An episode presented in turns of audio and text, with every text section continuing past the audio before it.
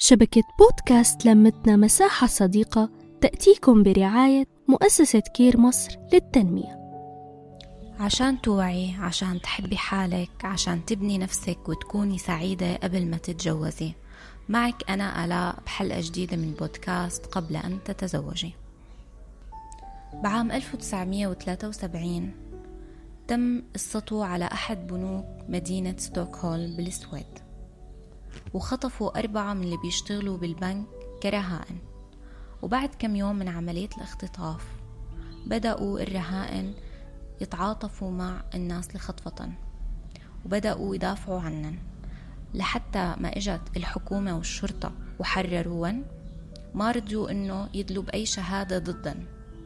وهون أثار آه، فضول محللين النفسيين. ليعرفوا شو سبب إنه عملوا هيك الرهائن مع إنه هن مختطفين؟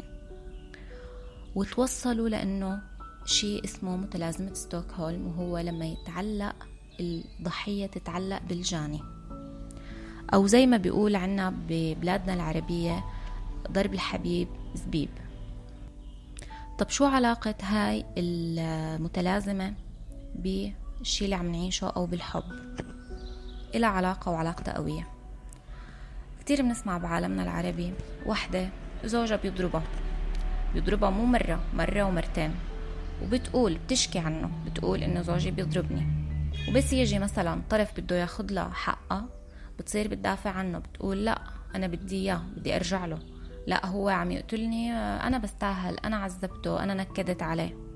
فهاي هي الشكل الواقعي من هاي المتلازمة.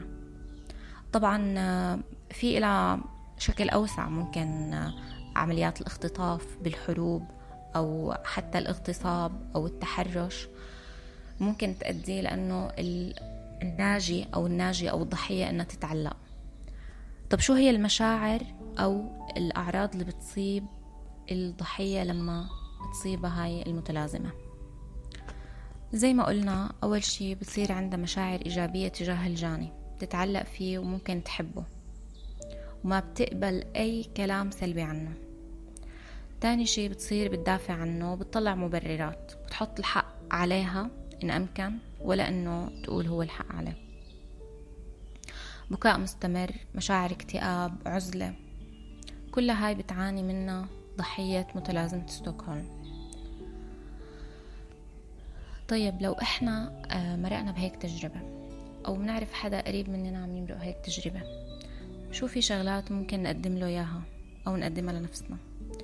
طبعا أهم شي هو الوعي. أنا أصلا قدمت هاي الحلقة علشان آه، يتعمم هذا المفهوم والكل البنات تعرف حتى لو لمحة بسيطة عنه لحتى إذا شافت أي عرض من أعراضه آه، تكون عارفة يكون عندها خلفية. فكتير مهم التثقيف النفسي. مهم كمان إذا أنت عم تتعاملي مع شخص عنده هاي المتلازمة. إنه ما تكرهيه بالجاني. تسمعي كلام سلبي عنه لأنه ما رح يقبل. بدك تخليه هو اللي يقول عن طريق إنه توجهيه تطرحي أسئلة. إنه أنت كيف شايفة الموقف أو كيف شايفة الموقف؟ كيف حاسة؟ طب هلأ شو الشي اللي ممكن يريحك؟